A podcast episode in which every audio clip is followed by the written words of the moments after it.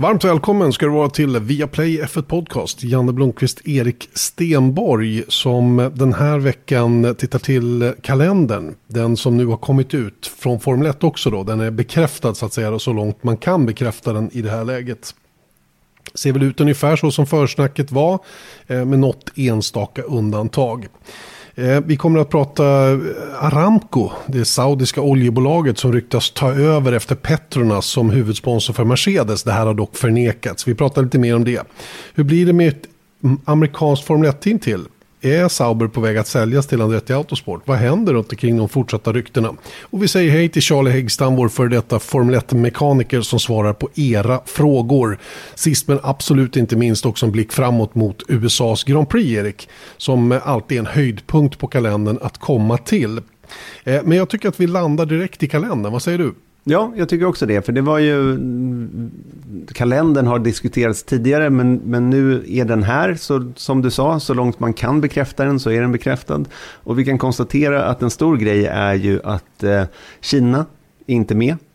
Istället så tar Imola dess plats. Just det, och det här vållar ju lite bekymmer logistiskt då eftersom Imola då måste köras innan man drar till Miami och sen tillbaka till Europa igen då för att köra det som skulle ha varit Europapremiären då, nämligen Spaniens Grand Prix Barcelona. Jag vet inte hur stor skillnad det gör egentligen. Det är långa resor oavsett, va? men det blir ju framförallt väldigt jobbigt för alla inblandade att ta de här långa resorna fram och tillbaka. Absolut. Eh, det som är, det är inte en miljövänlig rutt så att säga att åka fram och tillbaka på det där viset och det är ju lite det som är men, lite konstigt sett till vad Formel 1 håller på med. För de ska bli klimat, eller, ja, klimatneutrala till 2030. Det är deras ambition. Eh, samtidigt så är det ju då att Formel 1 då producerar 256 000 ton koldioxid per år. Och bara 0,7 procent av det är det som faktiskt eh, de där 20 racerbilarna står för på banan. Resten är alltså, och den största massan är transporter av de här tusentals ton av utrustning till världens alla hörn och alla personal som ska eh, åka dit. Då. Eh, och man pratar ju vitt och brett om den här klimataktionen eh, som de ska göra då och eh, med tanke på det konstigt beslut. Eh, det, det, det, finns ju lite sådana här eh, god svenska nu, akta dig. De tåkar det tåk, men de våkar inte det våk. Nej, så är det ju. Och det blir väl så naturligt kanske då med vissa kompromisser som måste göras då. Att man snackar, det blir mycket snack, liten verkstad för att göra om det till riktig svenska då. Mm. Eh, och det är ju lite synd det tycker jag för Formel 1 del. Eh, att det blir på det här viset. Va? Eh, jag, jag, förstår problematiken de ställs inför. Va? Men det ser inte bra ut och det, det kommer de att få kritik för. Det är jag helt säker på. Det vi kan konstatera dock Erik är att vi för första gången sedan 1984 har två stycken race i USA. Och inte heller de går ju samtidigt i kant till kant så att säga. Nej, precis. Det är ju där i maj som man ska köra i Miami. Eh, vilket ska bli spännande. Det är alltid spännande tycker jag när det kommer in nya banor. Eh, det ska bli intressant att se hur den där fungerar. Banan då som sträcker sig runt Hard Rock Stadium i eh, Miami Gardens är det va? Eh, mm, stämmer. På parkeringsplatsen runt eh, Miami Dolphins hemmaarena då. Ehm, det låter som, du vet, en parkeringsplats. Det har man gjort tidigare. Jag tror att det var i, var inte i Las Vegas, Las Vegas typ, som, mm. som det var en parkeringsplats. Och det, det blev ju verkligen en sån skandal redan på 80-talet när man, när man var där då. Men jag tror att de har mer på fötterna den här gången. Och sen så då ska man ju då vidare då i oktober, senare på året i alla fall, jag vet inte om det är oktober, men eh, till Texas och Circuit of the Americas igen. Så är det. Jag har ju varit där vid Hard Rock Stadium och tittat till eh, hur, hur området ser ut och jag har inga som helst bekymmer med att de kör runt. Det kommer ju snarare att bli himla kul att se dem runt själva arenan där och man kommer att sitta på höga etage där och titta ut bakåt från arenan så att säga ner över racerbanan.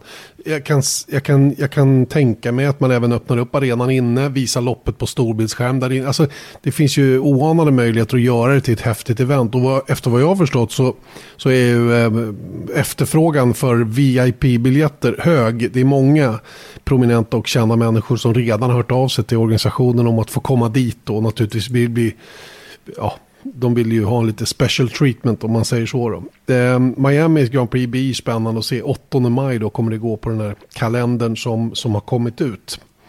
Eh, annars så ser den ju ut som i år egentligen. Det är ju inga konstigheter. Det, det är 23 race. Eh, det är några stycken triple headers. Något som man då tidigare lovade att det inte skulle bli några fler. Men, men de är ofrånkomliga numera och eh, man kör på då med den här mängden. Den senaste var kritisk mot det är ju Sebastian Vettel som menar att det här kanske urvattnar eller vattnar ur Formel 1 status så att säga då med att loppen blir mindre och mindre unika och så vidare. Vi har ju haft den här mängden race nu ganska länge och jag upplever inte att vi att vi har den tendensen hos människor. Snarare tvärtom att intresset fortsätter att stiga. Jag skulle hålla med om den saken. Sen så finns det ju, jag menar jag har varit så här att jag tycker 23 låter lite så här, oh, det är ganska mycket. Eh, men med tanke på att vi har 22 i år, ett till, ja, jag vet inte ens om man hade på det stora hela hade märkt det från vår position. Eh, nej, och, nej. Åtminstone så hade det inte varit negativt ur, ur, vår position heller. Men sen så, sen så är det ju den här beaktningen som man måste ta för, för de som är delaktiga i teamen och behöver åka jorden runt och allt vad det nu är. Men, men eh, ja, det är som Frans Tost, han säger så att om, om du inte gillar det kan du dra. ja, det är ju det är också ett ganska osmart uttalande måste jag säga. Mm. Sett till, man, man, kan ju vara, man kan ju, jag förstår hur han menar såklart, va? Men, men jag kan inte se att det där ger honom några vänner eller att han får någon form av sympati runt omkring ett sånt uttalande. Det är ju egentligen bara korkat att säga på det viset. Det, han måste ju fatta att det är slitsamt ändå och många lever ju på det här jobbet. Och, och har som, se, se, kanske se, ja, det, som, det som de kan och vill göra. Och då är det ju ganska, det är ganska ignorant tycker jag att, att uttrycka sig på det där viset. Va? Men, men eh, ja, det där eh, kommer han väl att få äta upp kanske i framtiden, jag vet inte. Men, men eh, jag, jag är helt säker på att det går att anpassa verksamheten efter 23 race. Men det kommer att kräva lite fix och tricks och, och, att man lättar på trycket för att man kanske har rotation i en större utsträckning på personalen. Även om det kostar mer så är det kanske en konsekvens av, av den här stora kalendern. Och eh, även om det ser tungt och svårt ut just nu så, så brukar ju saker och ting liksom falla på plats efter ett tag ändå. Mm. Du, vi var inne på klimatneutralitet eh, och eh, en annan grej som, som Formel 1 är, eh, promotar väldigt mycket är kampanjen We Races One för mänskliga rättigheter. Eh, det vi samtidigt vet då, då är att eh, Saudiarabien, som kanske inte är mest kända för sina mänskliga rättigheter, är djupt inblandade i Formel 1 genom eh, ett huvudsponsorskap, genom deras statliga oljebolag Saudi Aramco, eller dess officiella namn Saudi Arabian Oil Company. Och baserat på resultaten 2020 är det världens 14 största företag sett till omsättning. Nummer ett på den listan är Walmart, alltså den amerikanska eh, detaljvaruhandeln, skulle man kunna säga det. Och sen så har vi nummer tre, Amazon, eh, lite på samma sätt fast online. Eh, nummer sex, Apple, nummer nio, Toyota och nummer tio, Volkswagen. Och eh, då har vi då Saudi Aramco är 14 största, som sagt då. Och de ryktas vara på väg att utöver då att vara huvudsponsor till Formel 1, eh, ta över Petronas plats som mm. eh, oljesponsor hos Mercedes. Och det här har ju då förnekats från alla möjliga håll och kanter att det här är på väg att hända. Och det är ju, eh, då, då ringer klockorna direkt hos mig och flaggorna viftas för full fart här. När de, när de tillbakavisar ett sånt här rykte så starkt så får jag för mig att det är, är på gång. Det, det mm. har motsatt effekt på mig. Hur många gånger har man inte sett det här då? Att de säger nej, nej, nej, nej. Och så, och så liksom, det där är ju rent nonsens. Och sen några veckor senare bara så är man, vi är glada att presentera ett nytt samarbete med den och den. Och kan vara ett känsligt läge i en förhandling till exempel som pågår just nu där under inga omständigheter någonting får komma ut kanske på grund av börsnoteringar och inte börsnoteringar men att man finns på börsen och, och så vidare va? som kan påverka värdet på aktier och allt vad det nu kan vara. Jag har ingen som helst aning vad som ligger bakom det men ryktet finns ju och mm. har kommit. Eh, och när det återigen då kommer en stark, en stark eh, dementi av det, då, då, eh, då blir det för mig eh, att det faktiskt är någonting på gång. Vilket är lustigt, för vad skulle man göra om det absolut inte var det? Då hade man ju demonterat det såklart. Men jag håller med dig. Samtidigt så, apropå anledningarna bakom, så, så har de ju Petronas just nu, eh, Mercedes. Mm. Vilket är såklart inte heller så himla eh, trevligt för dem då kanske, som kanske själva, det vet vi ingenting om, men om de vill fortsätta hos Mercedes så är det Eh, kanske man inte vill stöta sig med dem, skulle man kunna Nej. tänka sig. De säger ju det själva att de vill fortsätta i alla fall, Petronas. Så att, att de inte är på väg någonstans. Eh, sen, sen har man ju ingen aning om det stämmer eller inte återigen då. Utan det är ju någonting som de där styrelserummen känner till. Och ehm, ja, vi får helt enkelt vänta och se. Men ehm, ingen rök utan eld brukar man säga. Och det stämmer säkert i det här avseendet också. Mm. Det intressanta skulle ju vara om, om Aramco kommer in hos eh, Mercedes, var skulle Petronas, för jag tror att Petronas har haft ganska mycket nytta av, av eh, sitt samarbete med Mercedes. Att ser, jag tror att de andra nio teamen vädrar morgonluft, säger man så? Ja, det gör man ju. Men frågan är om inte om Petronas hoppar av. Om det är så att de väljer att avsluta det här samarbetet så har ju naturligtvis Mercedes sökt en annan partner. Och det kan ju vara så att Petronas är de som bestämmer sig för att inte fortsätta. Och då betyder det att då kliver de ju av sporten helt och hållet. Mm. Eh, då tror jag inte att de är aktuella för att gå till ett annat team. Skulle det vara tvärtom så att Mercedes kommer fram till att men vi får inte tillräckligt mycket pengar av Petronas, vi vill ha Aramco istället som erbjuder mer. Ja, då kan, och Petronas ändå vill vara kvar på plattformen, då kan det naturligtvis vara en möjlighet för något annat team att fiska upp dem. Va? Men, men jag undrar om det är så verkligen. Jag tror att eh, det snarare är så att Petronas valt att inte förlänga i sånt fall. Eh, och att Mercedes eventuellt då, mycket eventuellt, eh, hittat ett alternativ i Aramco då. Mm. Aramco ska man ju säga det då att eh, Ineos som är delägare till Mercedes va? Mm, mm, de. De har ju kopplingar till, till Saudi också så det, det, finns, eh, det finns rök i minsta fall. Om Mm. vi ska avsluta med den saken. Just det, apropå rykten då. Det är ju roligt med rykten. Det är ju alltid kul att spekulera lite grann. Det är inte, det är inte så, på den här nivån så har man ju sällan facit om man säger. Utan det blir ju, det blir lite så här, lite hittepå va. Men, men eh, saker och ting händer ju i vilket fall som helst. Och den senaste tiden har de här ryktena blivit allt starkare då att Sauber är på väg att säljas. Eller Sauber Motorsport AG då, som i sin tur ägs av Islero Investment. Och det är Islero Investments eh, som, som håller på att bli en del av Andretti Autosport. Eh, som jag har förstått det då. Eh, att eh, det, det är 80, handlar om 80 procent ungefär då som Andretti Autosport skulle vilja ha av det här bolaget då. Att 20, skulle, att 20 procent av ägarskapet skulle finnas kvar hos de ursprungliga ägarna. Och Islero Investments äger då Sauber Motorsport AG då som just nu då heter Alfa Romeo F1. Mm. Eh, och eh, det här är ju eh, en intressant utveckling självklart. Vi, vi vet ju fortfarande inte vem som ska köra den andra bilen. Eh, bredvid Valtteri Bottas till nästa år, Guang Chu som vi har pratat väldigt mycket av. Ehm, eh, borde ju vara självskriven med mycket pengar på kontot med sig. Men vill ju då ha ett flerårskontrakt. Och eh, verkar då inte få något gehör för det eh, om, om man förstått saken rätt. Va? Och, och skulle det nu bli så att Andretti Autosport gör den här, eh, får igenom den här affären, ja då, då öppnar ju det upp för att eh, stoppa in en amerikansk förare. Och då börjar saker och ting eh, hända där borta över i USA med, med två race och faktiskt ett tredje eventuellt på gång i Las Vegas igen. Eh, det, det, är liksom, det, det, det är grejer på gång och alla de här sakerna tror jag hänger ihop faktiskt. Eh, på något sätt. Va? Plus att Liberty Media då är även det då amerikanskt i grunden. Och eh, det, det, det är någonting som pågår. Vad säger du?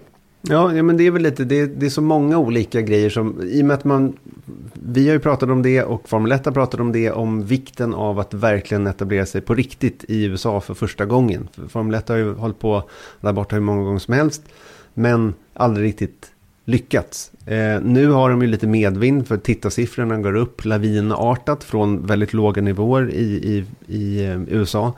Eh, dessutom då så har de ju Haas, eh, de har två race, som du säger, kanske tre i framtiden. Ett till amerikanskt team och då är det som fattas då. Och det är där jag tycker lite att man kan fastna vid eh, i den amerikanska föraren. För det tror jag verkligen är en så här nyckelgrej. Att, att kunna hänga upp eh, sporten på en nationell förare som är liksom lite karismatisk och bra i, i allra bästa fall. Då. Och då har vi då, och, och då tycker jag att man kan, apropå det du säger om Guan Yushu, en kines som skulle vara den första eh, kinesen som faktiskt deltar under en, en, en racehelg i Formel 1. Det skulle vara stort.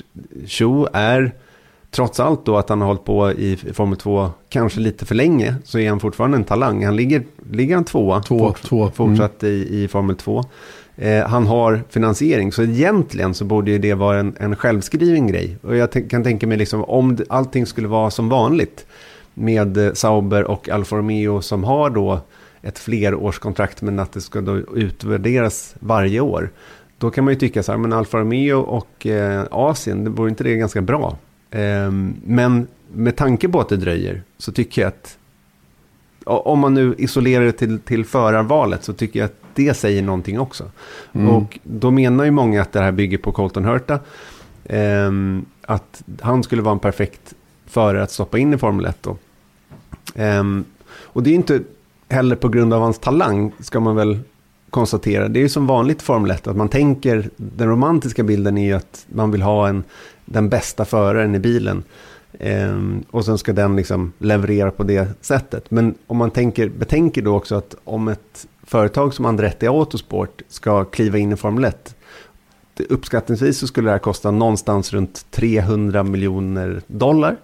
Det är ingenting som Andretti Autosport sitter på, på sitt liksom som de har suttit in i någon madrass någonstans. Utan de behöver ju finansiera upp det här. Och det har de väl gjort va? De har väl, jag tror att de har löst eh, ekonomin. Så de startade något bolag här för inte så länge sedan. Och, och har, har med hjälp av det då skapat kapitalet. Om jag Exakt, men var kommer kapitalet ifrån? Det är mm. det som är grejen. Att det är inte mm. Andretti Autosport som har liksom tagit sina besparingar. Utan det är nej, nej. andra grejer. Så andra företag, eventuellt privatpersoner men antagligen eh, någon form av företag. Och de kanske vill ha en amerikansk förare. Vilket gör att allting dröjer ännu mer. Och det kanske är en, jag menar Gainbridge som har varit involverad i, i eh, Indycar under många år. Bland annat då som huvudsponsor till Colton Hurtas bil i, eh, i Indycar i år. Eh, att de skulle ha någonting med det här att göra. Och då kanske det är ett förbehåll för dem. Att okej, okay, vi kan finansiera upp den här dealen med er Andretti, men då vill vi ha Colton Hurta eh, som en av förarna. Det är så där det funkar. Det är inte enbart talang, utan att man vill ju kunna hänga upp sin egen investering på någonting som säkerställer att man får kickback på den. Eh, det är lite så jag ser det. Mm. Och det ligger väldigt mycket i det resonemanget såklart. Eh, nu råkar det vara så turligt att Hurta dessutom är jävligt snabb. Mm. Så att, eh, det är nog inget dåligt val oavsett. Jag hade mer än, mer än eh, gärna sett honom i Formel 1. Och det här med superlicenspoäng som många pratar om, det löser man. Inga som helst problem. Det fixar sig på ett eller annat sätt. Så att vill de ha in honom redan till 2022 så skulle det nog funka. Eh, sen kommer ju nästa fråga hur han skulle klara sig i Formel 1. Eh, Pat O'Ward vet vi då som har fått eh, löfte av Zac Brown då att testa McLaren-bilen Eh, i eh, eftersäsongstesten i Abu Dhabi då. Eh, det, det, blir ju spännande att se hur han kan greja det där. Han är ju en, de är ju rätt lika som förare de här två ganska vilda och, och hårdhänta med materialet vilket inte passar sig i Formel 1 egentligen. Sen är de inga dumskallar någon av dem så de kan säkert anpassa körningen efter det de har i händerna. Och är man snabb så är man snabb. Punkt. Och, och, och, det kommer säkert att lösa sig på alla sätt och vis. Så först och främst ska det bli roligt att se Ward göra den här testen och se hur, utifrån det lilla man kan göra, utifrån det lilla vi kan göra vår egen bedömning av hur det gick då. Det är ju bara varvtiden egentligen som man, som man har och de kan ju laboreras med ganska mycket. Men det, det skulle vara spännande att se även Hörta få en chans eh, en, en F1-test tycker jag. Mm. På samma sätt. Det hade varit himla fräckt. Och det är ju inte för sent än att erbjuda honom det. Så att säga, va? Om jag har förstått saken rätt så är ju Zac Brown högst inblandad i den här dealen också som någon slags mäklare. Eh, mellan Andretti Autosport och, och, och eh, Sauber. Mm. Eh, och det är ju, trycker ju ännu mer på det jag menar då att, att amerikanerna är på stark frammarsch just nu då. Och som sagt, ett tredje race pratas det ju faktiskt om i USA då, i Las Vegas. Mm. Alltså jag tycker eh, det vore kul att se vad, vad som skulle ske om det här, om, om det skedde sett till intresset på banan. Eh, in, intresse i USA runt här. Om det här skulle vara liksom the silver bullet för Formel 1 i USA. För det, det är ju som sagt, det är ju spännande den grejen att det, att det inte har fastnat. Men har de allt det här, återigen, två eller tre race, två team, en duktig förare. Då, då, och, och om det ändå inte funkar, ja men då är det ju någonting fel då får de på, ge på Formel 1. Nej, ja. det, är ju, det är ju en enorm marknad som ligger och väntar där, så är det ju bara. Va? Och eh, jag tror att det är det som man ser, det är det vi ser resultatet av. Någon, någon har verkligen bestämt sig för att försöka slå mynt av det här. Och eh, lyckas man med det, då, man, då, då, då kommer det gå bra. Det är jag helt säker på. Sen, sen får vi se hur, hur man får igenom alltihopa det här. Eh, stora planer har vi sett förut. Eh, så, gå om intet så att säga. Och inte minst när det gäller ett amerikanskt Formel 1-team. Du kommer väl ihåg USF1? Mm. Eh, som, som inte blev någonting utav. Eh, men, men det är väl kanske resultatet av det som vi nu ser i form av Haas då. När, när de fick en liten annan, ett, en annan konstruktion på det. Hur som haver, det, det blir spännande att följa det där också. Då, och, um, det sägs ju att Sauber och Andretti Autosport ska, eller eh, diskussionerna kring ett eventuellt övertagande eller köp ska fortsätta nu i, eh, i Austin just. Ni lyssnar till Viaplay F1 Podcast. Janne Blomqvist, Erik Stenborg som eh, håller på att ladda upp inför USAs Grand Prix givetvis då. Eh, men vi har en speciell gäst idag också så det är himla kul att säga välkommen till podden Charlie Häggstam. Tack Janne och Erik. Um, ja, det är ju det är alltid intressant att ha med dig Charlie. Och uh, som gammal Formel 1-mekaniker är det många som undrar saker, eller hur Erik? Ja, men precis. Du var ju med i vår sändning inför, vad var det för race? I Turkiet. Då var du med. Och då blev det många reaktioner som tyckte att du inte fick eh, riktigt tala till punkt och berätta mer. Det var framförallt någon som reagerade väldigt starkt på att du nämner att det var mycket party efter racen. Men det fick du inte gå in vidare på. För då, då var vi tvungna att gå vidare. Och det blev folk upprörda över. Så nu ska du få chans att svara på sånt som folk egentligen vill veta. Okej, okay. ja men då ska vi försöka göra det. Ja. Du, jag kan säga att jag var med på ett sånt här party på ett ställe och jag har fortfarande inte hämtat mig. Så att, um, jag, vet inte om de är, jag vet inte om de är rumsrena de där historierna. En del, men Janne du gick ju hem redan det hade börjat nästan. det kändes inte så morgonen efter. Nej, men Nåväl. Det vi gjorde Nåväl. var i alla fall att vi ställde, mm, vi bad er lyssnare skicka in frågor via vår um, Instagram, instagram.com F1-podden. Och det kom väldigt, väldigt, väldigt, väldigt, väldigt, väldigt många. Så att jag har kanske tagit ner 25 stycken. Det kommer vi inte hinna. Men vi, uh, vi försöker jobba igenom så många som möjligt. Låter som en bra idé. Ska vi sparka igång på en gång eller? Yes. Det gör vi. Eh, Ida Hellman, hon undrar ju kort och gott hur du tog dig in i Formel 1. Ja, men, vägen var ju lång men eh, det började, slutade med att jag var med i A1GP och så teamchefen i A1GP i Team Irland, Dave O'Neill, vart sedan mera eh, teamchef i Virgin Racing. Eller Marussia eller vilket namn man nu vill kalla det. Och eh, då fick jag chansen 2010. Så där började men, det. Men innan dess, jag, jag, kan ju din väg lite längre tillbaka än så. Jag menar, din, din väg in i, i själva mekanikeryrket började egentligen med Älg Motorsport, är det inte så? Ja, alltså även innan det så var det min kusin började tävla i Formel Ford i SSK-serien i mitten på 90-talet. Och sen så var det Scandinavian Formula School med Sven Frendelius som tyvärr inte lever längre. Och sen eh, vidare när jag gick ut skolan så skulle Eje som sagt starta ett team. Så då tog jag kontakt med Anders Olofsson som var en kompis till min pappa.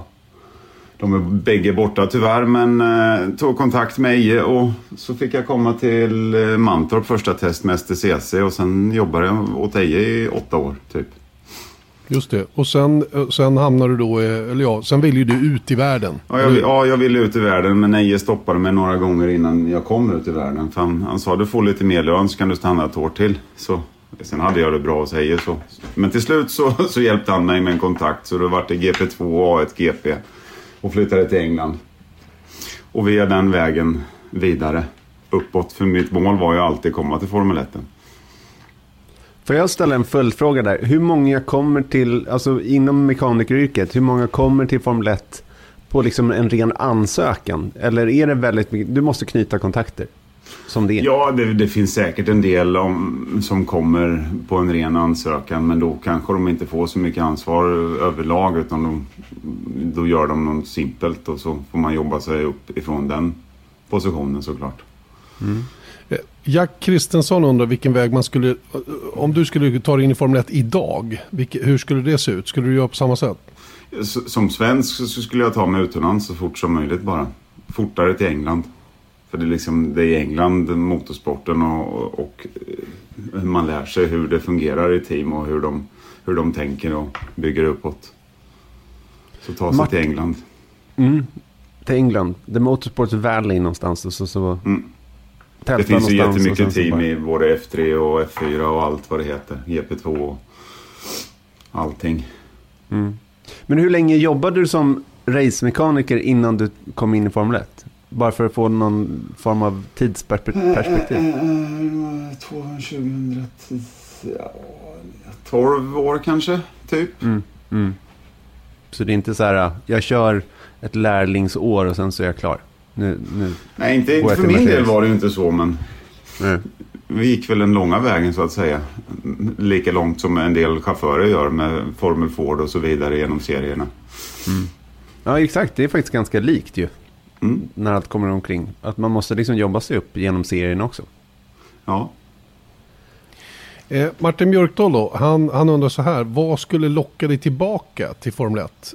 Vad, vad skulle du behöva ha för att känna att fasen jag vill nog tillbaka till F1 på? Nej, men det är väl en riktigt bra fest då. Nej, Självklart. nej. Det, Det det, tror jag de kan ordna. Ja, men det ordnar vi ändå. Så det, nej, men... Jag, jag vet inte om det finns något riktigt som, som skulle locka till. Det skulle väl vara ett övergripande ansvar då, som, som teammanager eller något sånt där. Men det finns ju ingen... Det, det skulle jag aldrig få. Det är ingen som får det bara så. Utan det, man, då, ska, då ska man ju vara med. Chefsmäck då? Chefsmekaniker? Nej, Inte det heller? nej. Ja, ja, ja. Det händer ju inte. Skulle Mercedes ringa och ska vara chefsmekaniker för dem, ja så är det klart jag ställer upp på det. Men ska man vara realistisk så kommer det aldrig ske liksom. Det, det man tar ju det inifrån teamet. Men vad är det då som gör att, alltså vad är det som hindrar dig att jobba med Formel 1? Alltså är det resorna eller är det liksom frånvaron eller vad? Varför Nej, är du inte men Formel Jag 1? känner väl att jag har gjort det. Jag är klar med det. Mm. Helt enkelt. För det, det är en jädra skillnad att vara inne i bubblan och sen komma ur bubblan och titta in på den. Mm. Det är en riktigt stor skillnad faktiskt. Man blir ju liksom som en i gamet. Alla tänker lika och sen får man lite perspektiv när man kommer utanför det. Du, Willen då, han, han säger så här. Vad var det som överraskade mest när du väl kom in i Formel 1? Vad var det, fick du någon aha-upplevelse när du kom in i Formel 1-depån? Nej men både ja och nej. Ja, dels för att det är så otroligt mycket attention to detail på allting liksom. Det finns ingenting som lämnas åt slumpen. Allting tittas på. Och sen är det så mycket ögon som tittar på bilen. I, vanliga, alla andra serier så kanske det är två, tre stycken. Här är det liksom hundratals personer som, som tittar på allting som har med bilen att göra. Så all, och allting tänks på. Det finns eh, rutiner, koller och ja, för allt i stort sett. Om det inte eh, gör det så kommer det så småningom också. Bara för att det ska fungera så problemfritt som möjligt. Som vi såg med Red Bull där när de eh, byter, byter framänden på Verstappens bil. Det har ju att göra med det att det finns rutiner och upplägg för allting från början. Det är därför det fungerar som det gör. Elliot Tunebris då, han frågar vad har man för arbetsuppgifter rent praktiskt? Om man tar ditt sista, senaste jobb då i, i Formel 1 som, som nummer ett mekaniker. Vad inbegrep det? Rent generellt så, så är det ju en del pappersarbete också framför dator och se till så att um, du har delar och grejer till alla som, eh, som jobbar med bilen. Och sen eh, rent eh, mekanikermässigt på bilen så hade jag ansvar för eh, motorinstallation och tanken på bilen. Så där gjorde jag, liksom, det gjorde jag allt som hade med tanken att göra och, och satte dit motorn. Och sen så kollar man runt så alla andra gör som de ska och hjälper till om det behövs någonstans när man är klar med sitt. Och sen eh, hjälper man ju till att packa ihop och bygga upp. Och sen i fabriken så, ja, så är det ju samma sak där. Du ska ha koll på alla delar och se till att bilen byggs en, enligt alla konstens alla regler. Eh, men Då funderar jag lite på, ja, de här arbetsuppgifterna är viktiga allihopa naturligtvis. Och hur förbereder man så att man kan dem då? Är det någon form av, sitter man i skolbänken? Eller hur, alltså, någonstans måste man ju lära sig hur Formel 1-bilen ser ut och hur den fungerar. Eller är det rent praktiskt bara?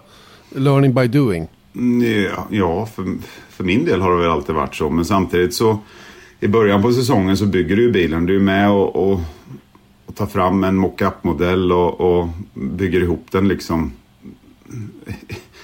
som en byggsats med halv, inte med riktiga delar utan som en byggsats och då lär du ju bilen väldigt bra när du håller på med allt det. Sen när de väl de riktiga delarna kommer så har du en ganska bra koll ändå på hur det ska vara. Tror du att det är något team som jobbar så? Att man har liksom en videovisning av bilen så att säga när det kommer någon ny eller inför en ny säsong. Jag menar de helt nya bilarna nästa år är ju någonting som, som alla inte kan ha sett i detalj i alla fall.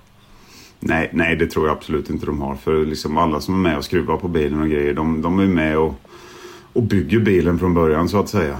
Man har ju alltid en, en, en mockup för, för att liksom, hur man ska dra kablar och ledningar och så det fungerar i ifrån det, allting som är gjort i CAD eh, passar inte i verkligheten. Så att säga. Det är väldigt många. Våra lyssnare är väldigt fokuserade på pengar. Bara pengar vill de veta. Nej, men hur mycket tjänar man i snitt? Uh, om man säger att du tjänar ja, 400 000 om året kanske. Mm. Ja, vi, vi, pratade ju med eh, en, eh, bara för att få lite uppdaterade, inför den här sändningen förra helgen då som sagt. Så, så ingångslönen ligger någonstans på 50 000 kronor i månaden. Ja. Eh, beroende såklart lite på vad du gör, men när du har haft ungefär två års erfarenhet så ligger den runt 60 000. Om man klivit upp dit och har man något av de här större rollerna som första mekaniker, chefsmekaniker så ligger man någonstans mellan 70 och 75 000 svenska i månaden. Då. Mm. Det är ganska bra ändå. Ja, ja absolut.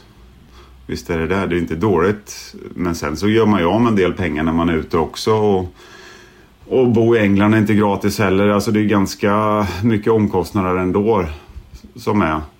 Men eh, ja. Det, och timlönen alltså, är inte så bra. Den är definitivt inte bra.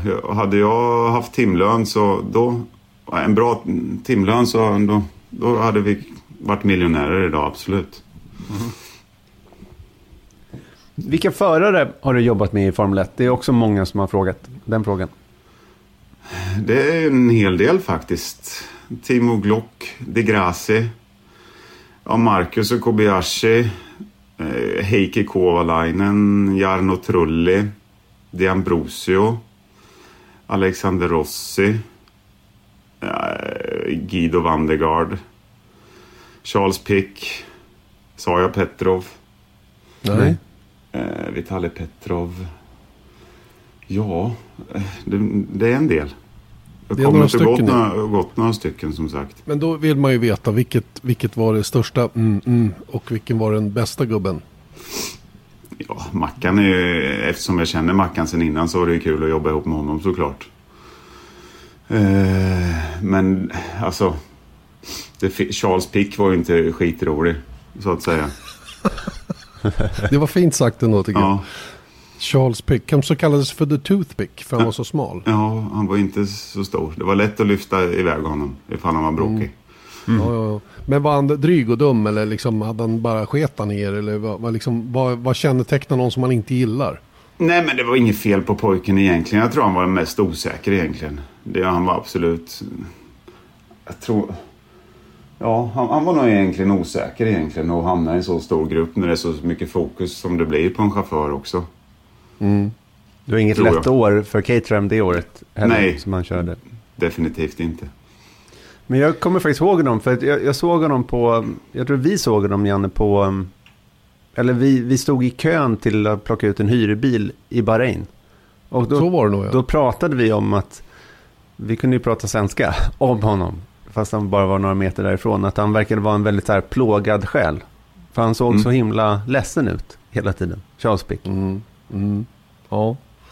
Ja, man har ingen relation till honom överhuvudtaget. Det är knappt jag minns att han har kört i Formel 1 ens. Det, det är liksom, han var verkligen in and out bara. Mm. Och, eh, ja. Eh, vi, vi, behöver väl kanske inte eh, djupa ner oss i, i honom. Den roligaste? Så. Roligaste? Ja, men Kobayashi är en rolig prick. Mm. Kamui, absolut. Även om han eh, inte ser ut så. Men han är rolig. Och Petrov... På vilket sätt? Nej, men han är lite så full i fan. Lite småbusig. Mm. Och Petrov är ju i ryss men samtidigt lite rolig. Han, han kunde man ställa på lite. En, mm, han tålde det? Ja, det gjorde han absolut. Men en, en, ro, en rolig sak som kommer upp i huvudet var ett test i Barcelona. Och sen hade fjärrkontrollen trillat ner i, i sittbrunnen för de har en tv som de tittar på data och sånt. Varvtider och lite kurvor från datan. Men den var i alla fall kvar i cockpit. Så han kommer på radion på rakan och säger att du, jag kastar ut den på rakan så kan ni ta den. I Barcelona på rakan i en Formel 1-bil går i alla fall en bit över 200. Sen kanske vi, vi, vi tog den inte så att säga. Den gick sönder. Mm, jag kan tänka mig det. Det, var inte så, det kanske var så att ni duckade lite när ni ja. hörde att den skulle komma. Ja. ja, det är bra. Det är en bra story. Eh, Får jag hoppa teknisk... in med, med, ja, med en fråga bara här? För att då är Martin Björkdahl, för du nämnde att du jobbade med, med eh, Marcus Eriksson. Ryan Reynolds här från Mint Mobile. Med priset på nästan allt som går upp under inflationen, trodde vi att vi skulle bring våra priser down. So to help us, we brought in a reverse auctioneer, which is apparently a thing. Mint Mobile unlimited premium wireless. Ready to get 30, 30, bit to get 30, bit to get 20, 20, 20, bit to get 20, 20, bit to get 15, 15, 15, 15 just 15 bucks a month. So, Give it a try at mintmobile.com/switch. slash $45 up front for 3 months plus taxes and fees. Promo rate for new customers for limited time. Unlimited more than 40 gigabytes per month slows. Full terms at mintmobile.com. Ehm, när han körde då i Caterham tillsammans med Kobayashi. Ehm, men som jag minns det så, så um, jobbade du, du var liksom första mekanik på Kobayashis bil. Fanns det en tanke med det? Nej, det var egentligen eh, Graham Watson som är teammanager för Alfa Tori som de heter nu. Han ville inte att det skulle bli ett fullständigt svenskt gäng i garaget, så det var enbart därför. Annars hade jag jobbat på Mackans bil, men ja, mm. det var hans sätt att se på det. Vilket man kan förstå utifrån hans perspektiv, men det var ju lite tråkigt för er kanske. Ja, precis. Mm. Graham Watson, som är en bra gubbe annars tycker jag. Håller du med? Eh, både ja och nej. Okej. Okay. ja, men han, är, han har varit i Formel 1 länge och kan vara en liten snake hip. Alltså, okay. sätter gärna kniven i ryggen från den som går därifrån om man inte är kompis med honom. Okay. Lite cool. så kan det vara många gånger i Formel 1. Det är, lite shark, det, det, är lite Shark Tank där också. Ja, absolut. Mm. Eh, all right, vi fortsätter med, med andra frågor då. Eh, Mattias Danevi undrar hur tekniskt kunniga Formel 1-förare generellt är. Och vem har varit mest kunnig av de du jobbar med? Respektive okunnig. Mm, mm, mm. Har du någon som var liksom nörd sådär? Som hade järnkoll på setupen och, och alla delarna på bilen. Respektive någon som knappt visste att det satt en motor bak. Ja, Petrov kan jag säga, han var inte teknisk kunnig överlag så. Var han inte. Mackan har rätt så bra koll men eh, han har lärt sig hyggligt mycket mer de senaste åren och vilket har hjälpt honom. Kobayashi är också hyfsat duktig och intresserad. Det krävs ju också att man är intresserad för att, för att lära sig. Men en som bara varit testchaufför i, i Formel 1, eh, Adam Carroll, hade, han hade väldigt bra koll på, på bilen. Just det. Adam och du tävlade väl i A1GP ihop va? Mm. Det sitter här en, att vi vann det 08.09 eh, på kontoret, en tavla. Just det, just det. Kul. Han håller väl på att racea lite GT-bil fortfarande, Adam Carroll. Som, som jag tyckte var värd ett bättre öde än vad det faktiskt blev. Ja, faktiskt. Hur yttrar sig den här tekniska kunnigheten då? Är det liksom, jag tänker framförallt mot er mekaniker. Att så här, är det hur, liksom vilka delar man ska ha? Liksom, hur, hur, vet man, hur vet man det helt enkelt? Jo, men i Formel 1 så har du ju radion så hör du ju hela tiden konversationen med en ingenjör. Och eftersom man är i alla fall inte helt tappad bakom flötet när det gäller de tekniska grejerna så då hör man ju ganska väl hur väl chauffören förstår vad ingenjören pratar om i fråga. Mm. Så det är väl enkelt, eh, enkelt så. Sen en del chaufförer är ju med och tittar och kollar på bilen och en del kanske inte ens tittar alls utan de hoppar ur och säger den var inte snabb nog. Men de som är lite mer tekniskt kunniga kanske är lite mer intresserade och funderar på vad det nya delar och allt möjligt sånt där. Mm. mm. Alright, eh, vi fortsätter med frågorna. Här är en då som kanske, jag vet inte om den är lätt eller svår att svara på. Men Johan Kjellman undrar vad du har för favoritverktyg. Jag vet inte ens om det, det var, vad ni har för typ av verktyg på en Formel 1-bil. Det, verkar inte vara så, så, det verkar inte vara så speciella grejer. Nej, absolut. Alltså det är vanliga verktyg. Det, det, man kan tänka är att det är liksom kvartum är nästan det enda man använder. Om man, om man, om man vet vad verktyg är så finns det ju halvtum och treåtting och kvartum. Kvartum är mindre. Så man har ganska små verktyg. Använder man eftersom allt är ganska litet och det finns inte så mycket stora bultar. Vad är svårast på en bil? Eh, jag vet att du en gång visade mig eh, eh, växellådcase, eller ja, växellådan in i växellådshuset. Eller vad man ska säga, där, där krängningshämmarna satt otroligt tajt till. Och det var nästan så det var omöjligt att komma åt dem överhuvudtaget. Eh, är det inte lättmäckat på en Formel 1-bil? Den är ju inte byggd för att vara lättmäckad, eller hur? Nej, absolut inte. Den är ju byggd för att gå fort. Men samtidigt så när man designar en bil och det finns ju ett team som gör det bättre och sämre så måste man ju ha i, i, i alla fall i tanke åt att tiden som det är mellan, eh, mellan kval, och, kval och träningar och tiden i träningar. Du måste ju kunna byta en del grejer också för att komma framåt och prova olika saker. Så en del lyckas bättre med att designa, designa för att du ska kunna skruva, byta camber till exempel och, och ride height och fjädrar lättare och sämre så att säga. Jo, men de grejerna är de väl ändå rätt på med att se till att ni lätt kommer åt. Men det är ju ändå grejer som, det blir ju någonstans en kompromiss. Okej, om vi gör det här enkelt att byta så kommer bilen bli långsammare. Då är det ju rätt, Ja, då är det rätt enkelt att veta hur de bestämmer sig. Ja, absolut. Visst är det så. Men alltså, svår, svårast att liksom laga det är ju det är om något händer med monokocken och du får liksom plocka ur, plocka isär hela bilen eller att eh, tanken läcker eller någonting så du måste byta tank. Det är ju inte så här jättelätt och på en del eh, chassin nu för tiden går det inte för man limmar in tanken i chassit så då får, går tanken sönder så får du byta, byta chassi. Hur är det med, med kabelhärvan, alltså det som kallas för wiring loom? Eh, det sitter väl också integrerat i chassit numera, gör det inte det?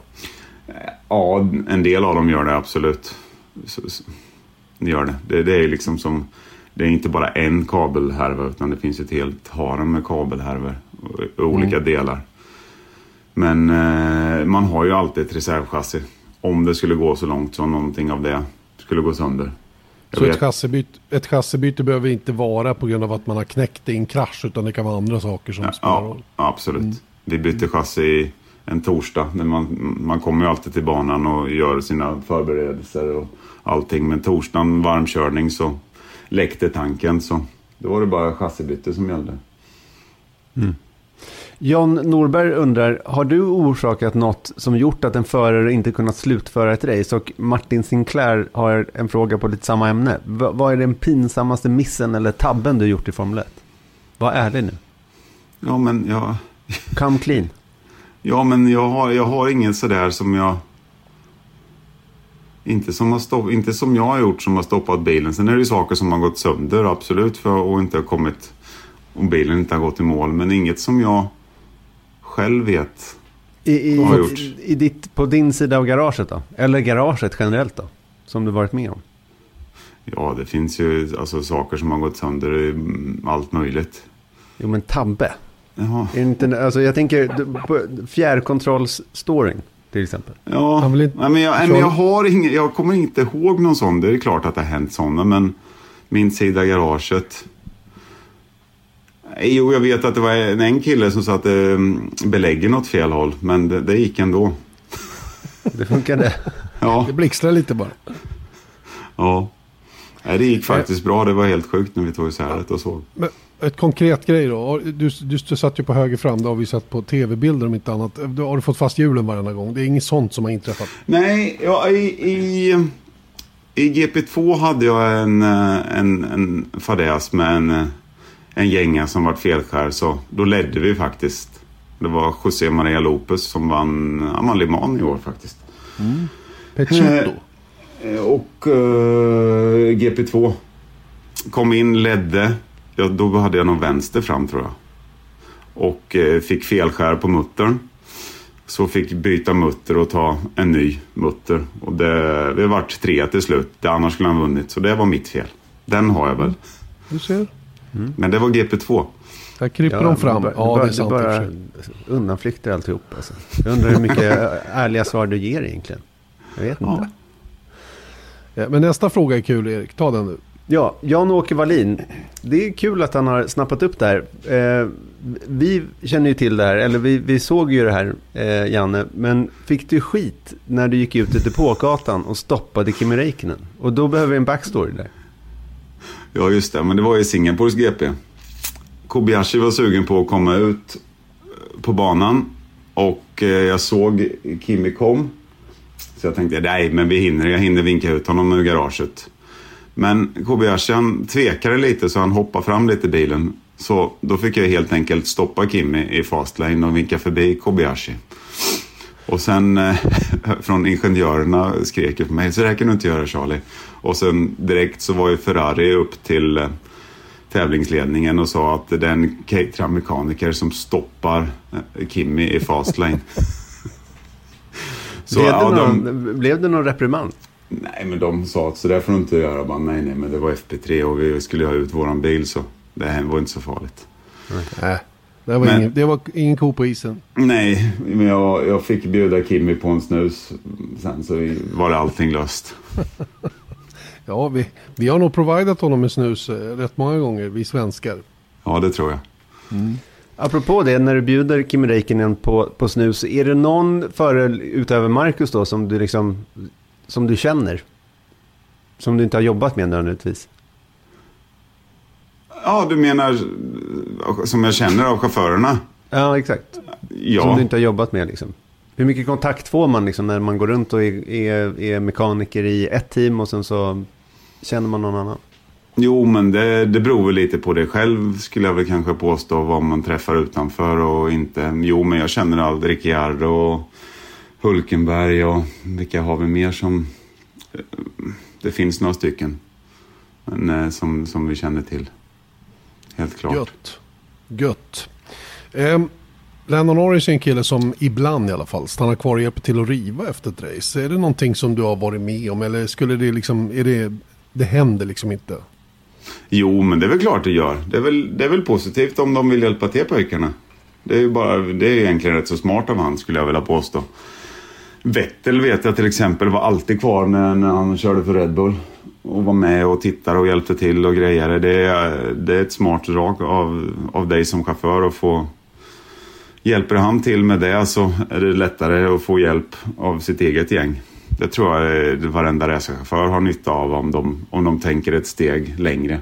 Och hjälper till med saker som de kanske inte behöver eller alls egentligen eh, är meningen att de ska göra. Nej, jag menar, utifrån sett så är det ju hål i huvudet och inte bidra emellanåt just för att öka en god, en god eller ja, få till en god stämning. Men, men samtidigt kan jag ju förstå att förare kanske inte är supersugna på det. Nej, det är inte absolut. Så de kan ju vara slut efter race och allting och vara trötta och det är massa möten och hit och dit. Men eh, det hjälper dem, absolut. Gjorde Marcus något sånt här? Nej, aldrig. Nej, jag tror det. Kunde tro det. Jo då, det gjorde han allt. Henrik Davidsson, när blev du som mest starstruck i F1 Depå? Det vet jag. Jag träffar ju en massa folk som jag inte ens vet är kända. En massa fotbollsstjärnor och sånt där. Så. Men eh, jag vet inte om jag blir så här. Vad heter han då? Owen, Owen Wilson. Wilson. Ja, Ja. Tänkte precis säga det. Han, lite han var samma, lite samma cool. skrot och korn. Ja, precis. Ja, men du är ju känd för att vara en linslu. Du är ju alltid framme. Och är det någon, någon, någon VIP i teamet, någon fan var Charlie där och hängde runt armarna. Och liksom så här, du, du gillar ju den där grejen, eller hur? Ja, ja, men det var, ju- jag fick ju alltid visa garaget för de kända personerna som kom. Sen visste jag inte. Jag fick nästan fråga alltid, varför, varför var den där, var den känd för? Ja, men det var några i spanska landslaget i fotboll och eh, vad heter han, argentinan som var i garaget som inte har tänderna riktigt rätt. Jaha, vem är det? Han är, han är Vilken tydligen- sport? I fotboll. Fotbollsspel? Ja, då är vi, det är svårt. du, Det är- då, är vi, då är vi smoked, jag och Erik. Argentina. Ja. Ja, Ja, Messi, Messi. vet jag är från Argentina. Nej, inte Messi. Nej, han har väl tänderna på rätt ställe, så vitt jag vet i alla fall. Jag vet bara Messi och eh, Maradona. Ja, Det var nej. inte Maradona va? Nej, men han, den här är hyggligt bra på att spela fotboll i alla fall tydligen. Hallå, hallå, nu släpper vi fotbollsspelare. Okej. Eh, Vi kommer i alla fall inte att komma fram till vem det var. Vad gör ni på kvällarna då, undrar Hampus? Efter, under en race, helst sådär. Är det, är det bira, bira, bärs eller gå och sova? Det beror på vilken dag det är. Som sagt, fredagen så hinner du inte så mycket mer än kanske en bärs när du kommer tillbaka. För liksom, har du jobbat i de x antal timmar du har gjort så åka hem och duscha och gå och lägga sig. Liksom, eh, även om man får bara sova några timmar. Så, jag funkar som så i alla fall att man är skönt att varva ner. Även om det är en halvtimme eller en timme så Jag brukar alltid ta, göra någonting en stund. Lördagarna är det ju Park Famé så då har man ju mer tid. Men samtidigt så måste det vara skärpt på söndagen för det är då det gäller. Så då var man ofta ute och käkade bara och ja, ute och kollade en sväng. Och... Sen eh, söndagarna är en annan femma för då är man ju klar. Det enda man skulle göra var ju att åka hem. Så då var det party då så var jag alltid all in på det. Du var all in, du var, du var främst där i kön. Ja, ja, men det, ser ju till, det, det finns ju lite roliga ställen här och var och det finns fester som, som man inte kan missa.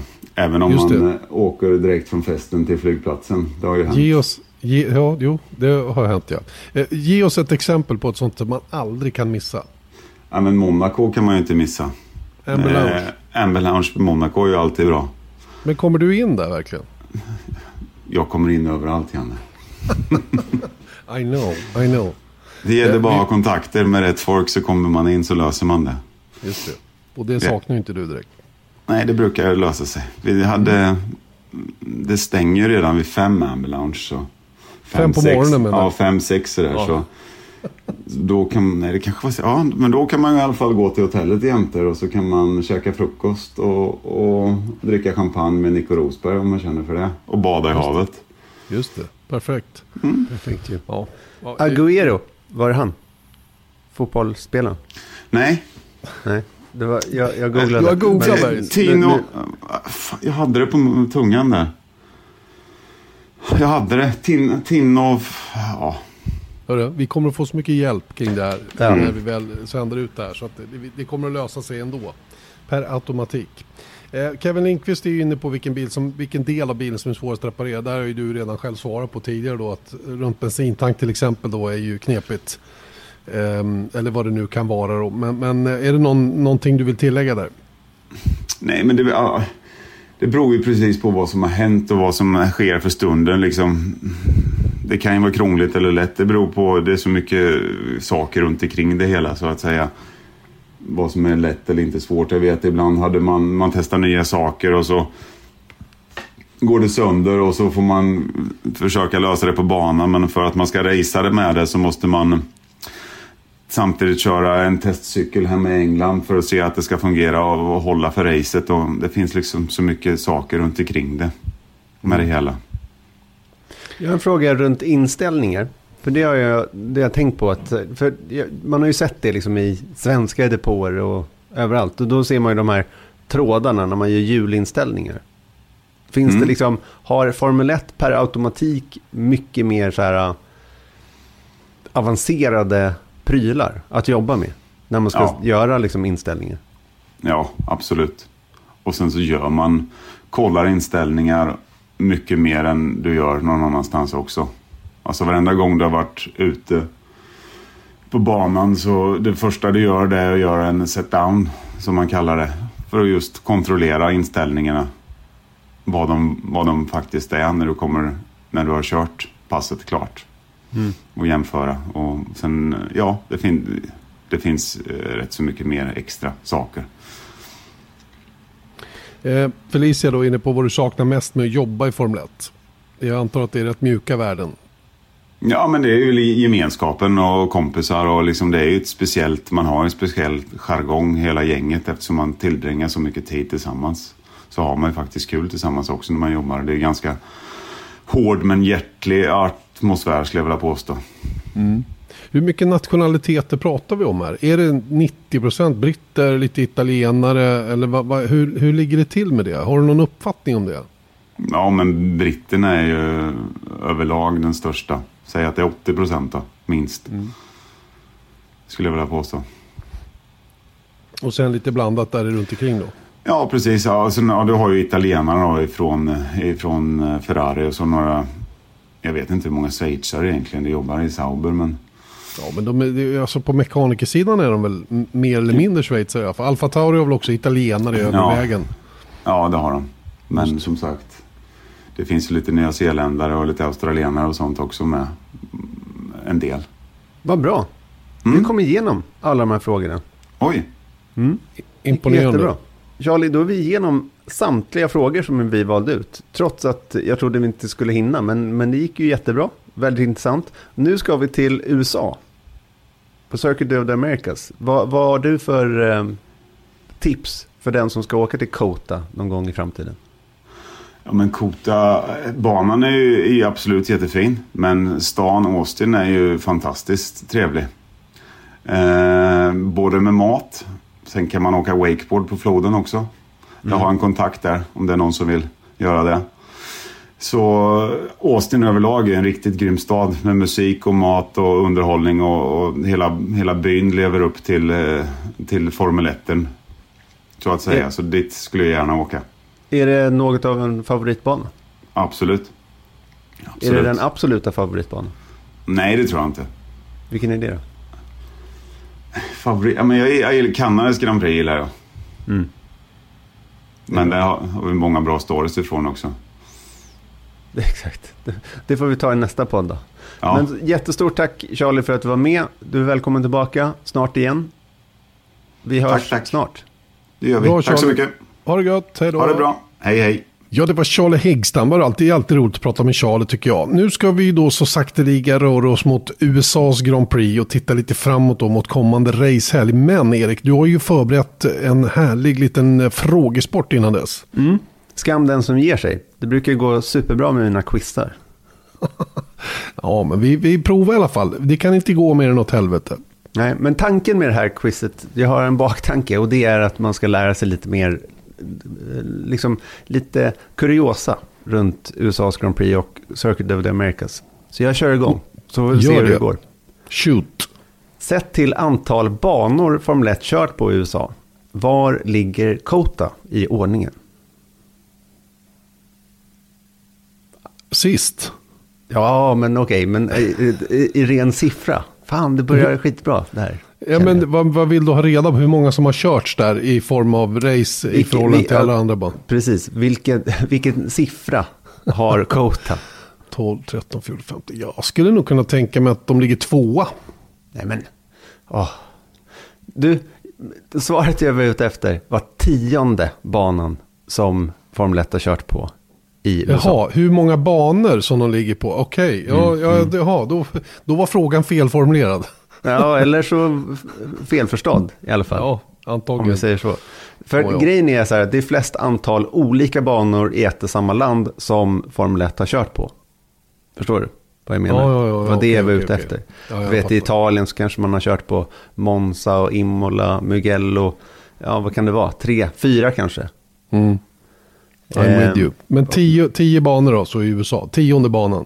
Precis, man har kört på Sebring i Florida, Riverside i Kalifornien, eh, Indianapolis i Indiana och eh, man har kört i Dallas i Texas då, Phoenix, Arizona, Long Beach också det är i Kalifornien, Las Vegas i Nevada och Detroit och Watkins Glen.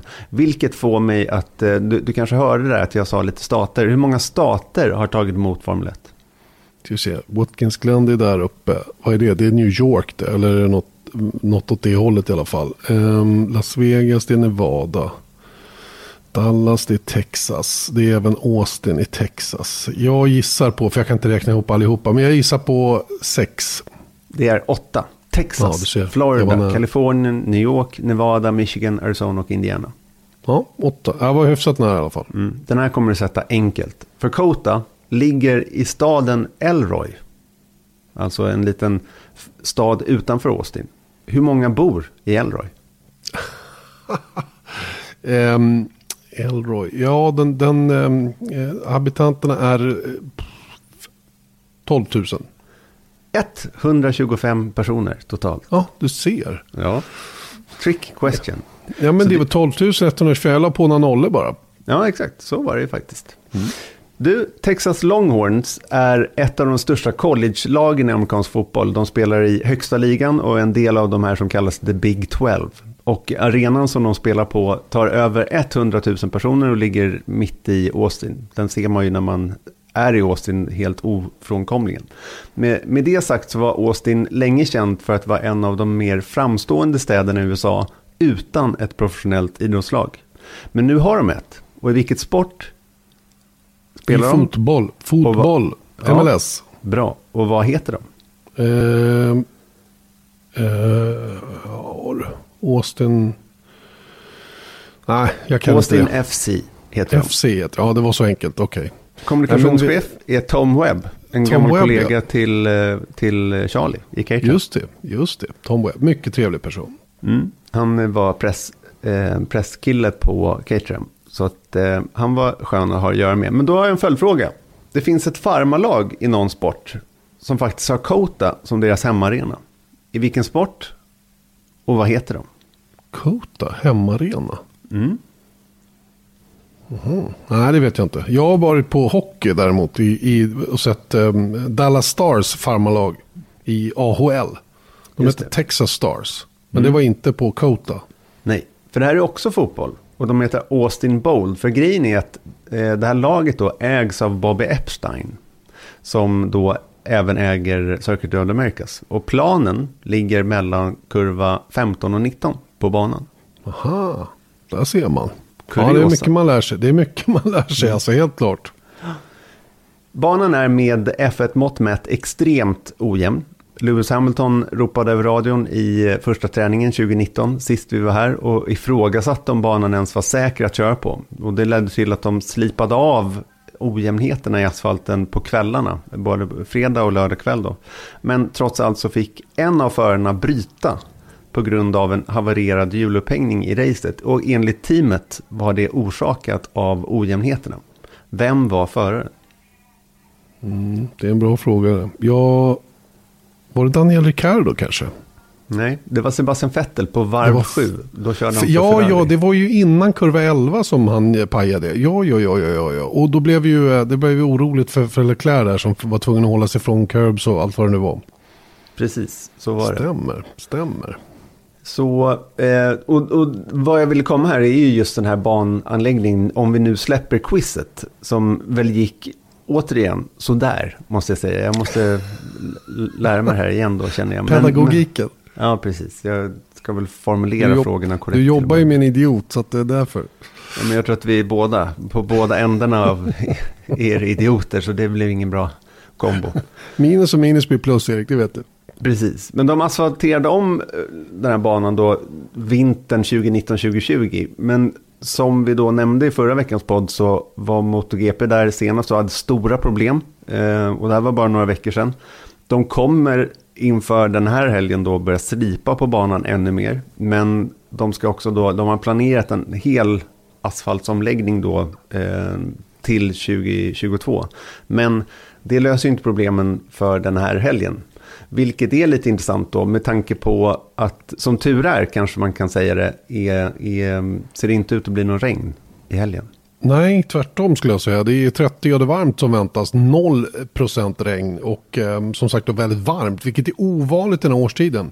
Vi har ju varit där, jag har ju varit där sedan 2013 och framåt. Och eh, det har ju varit väldigt varierande väder. Jag har ju till och med varit där när det varit värsta skyfallen och till och med inte gått att kvala och sådana saker. Så att det, det är högst ovanligt att vi har de här temperaturerna. Eh, det kan, och det är det som är så konstigt med Texas. För jag har alltid fått för mig att Texas är en sån här, det, det är en solstat där det alltid är varmt. Men det är det ju inte. Det är ju rent av vinter på vintern. På riktigt alltså, kallt och elände. Eh, och senast jag var där själv, 2020 då i februari och tittade på, på Indycar-test så, så kunde de ju knappt köra för det var så kallt. Så att det, det, den är väldigt eh, lurig på det viset. Men den här gången verkar alla ha tur. Det blir varmt och gött som det ser ut. Och nu- menade jag det lite som att de här ojämnheterna är liksom bättre på torrt. Men å andra sidan går det fortare. Men eh, ja, jag vet inte riktigt. Jag, jag tycker att den, den här grejen ska faktiskt bli väldigt spännande inför helgen nu. Om vi tittar på vad vi har ögonen på så är väl de ojämnheterna eh, en av grejerna som jag kommer titta extra på i alla fall. Tveklöst är det på det viset. Och jag kan garantera dig att efter första träningen så kommer det att vara mycket synpunkter. Och redan under första träningen kommer vi höra på radion att de är mycket, mycket missnöjda över känslan att köra eh, deras ride som det heter och hur, hur känslan är att köra bilen över ojämnheterna. Det, det kommer de inte att vara nöjda och glada över inledningsvis. Sen så anpassar man bilen, jobbar med det, kanske ordnar till med fjädring eller höjer den en aning eller vad det kan vara. Eh, Så det, det kommer att få konsekvenser. Sen, och det är ju det som gör att det blir lite spännande att se vilken, vilket koncept som klarar av det här bäst. Eh, och eh, en, en flat rake-bil, till exempel Mercedes då, Aston Martin som kör ungefär liknande koncept, kan eventuellt lida lite mer av det Eh, det man behöver göra då för att anpassa bilen för de här ojämnheterna. Så jag tycker att det här ska bli eh, spännande att se eh, hur de hanterar hela frågan och hur, mycket det kommer att påverka. Mm. Jag, vet, jag såg någon, jag läst både Mercedes och Red Bulls ehm, pressrelease och det, det indikeras i dem, kanske lite mellan raderna, att, att Austin är en sån där bana, alltså om man tittar på statistiken på, på Kota så har ju, jag tror att för, eh, Mercedes har vunnit samt, de har kört åtta gånger, jag tror att de har vunnit sju. Eh, eller vänta, Hamilton har vunnit sex och då var det ju McLaren där sista året 2012 när de började köra där. Så jag vet inte riktigt exakt hur Mercedes, men de har va verkligen varit de starkaste sedan 2014 och det kanske inte har endast med banan att göra, utan det var kanske i, i sakens natur att Mercedes var så pass bra under de här åren. Men av min analys så tror jag att Mercedes har en god chans att vara före Red Bull den här helgen. Jag tror att det är en sån här bana som de verkligen vill passa på och ta så stora poäng som de bara kan.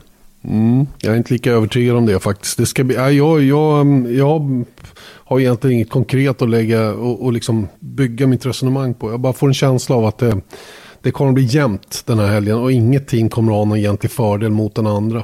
Så att jag hoppas på det i alla fall. En väldigt tajt och bra kamp mellan Mercedes och Red Bull i första hand. Men varför inte Ferrari? Med den här nya motorn kanske kan överraska och stöka till det alla längst fram. Det finns, alla möjligheter. Nu har de ju bägge två, eh, både Carlos Sainz och Charlie Leclerc, chansen att, att starta från från rätt startposition så att säga då, och kan absolut blanda sig i.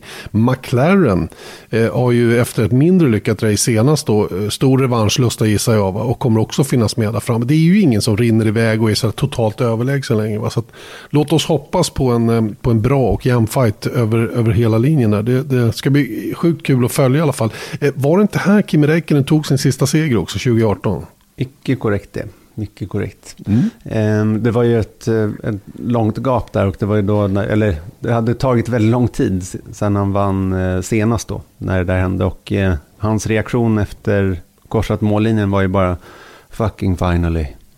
Mm. Så, det var, det var på tiden. Ja, tid, det var på tiden som man säger på svenska.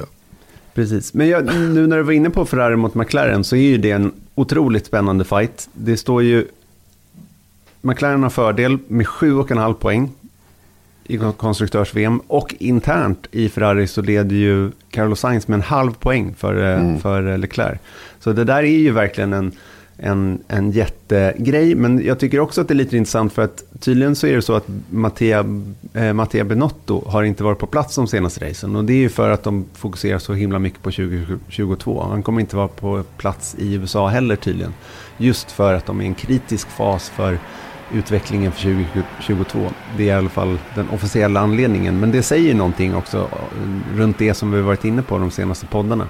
Att Ferrari är på hugget i år, men även för 2022. Ja, och titta på poängskörden i år jämfört med förra året efter lika många race. Det, det är som natt och dag verkligen. Och de har ju fått en förare i Carlos Sainz som, som stökar verkligen med Charles Leclerc på ett bra sätt uppfattar jag det som. Det är inte, jag, verkar, jag upplever inte att det är en massa Eh, bitterhet mellan dem och, och liksom tjurigheter på det viset. Va? de verkar ju pusha varandra framåt, både Leclerc och Carlos Sainz. Jag vet att några har frågat mig om det finns några motsättningar, att Leclerc då skulle på något sätt tycka att det här var extra jobbigt, kanske har blivit lovad saker som som då blir svårt att hålla från teamets sida när Carlos Sainz gör så bra ifrån sig som han gör. Men jag har inte upplevt något, jag har inte ens hört några sådana grejer överhuvudtaget. Så det där tror jag bara är, är, lösa rykten som, som inte riktigt stämmer med verkligheten. Jag tror att de där två trivs väldigt bra tillsammans och framförallt gör de ett sjukt bra jobb ihop.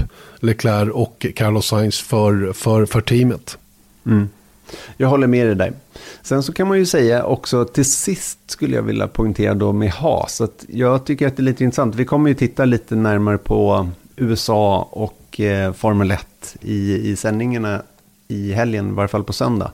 Och då, und jag undrar lite över eh, hur många i USA av publiken i alla fall, av amerikanerna som verkligen ser Haas som ett amerikanskt team och därav hejar på dem. När de inte har en amerikansk förare, de har en bil som ser ut som en rysk flagga. Man skulle kunna med lite fantasi säga att det är amerikanska färger också, men det är ju faktiskt en rysk flagga. Så att jag vet inte riktigt, har de någon, någon backing i USA tror du? Nej, Det tror jag faktiskt inte. Jag tror inte det. Um, det behöver, då behöver man tydligare rikta sig mot den amerikanska publiken. Och det är precis som du själv säger, det har de ju verkligen inte gjort i år. Utan nu handlar det mer om ekonomisk överlevnad, det som teamet har gjort.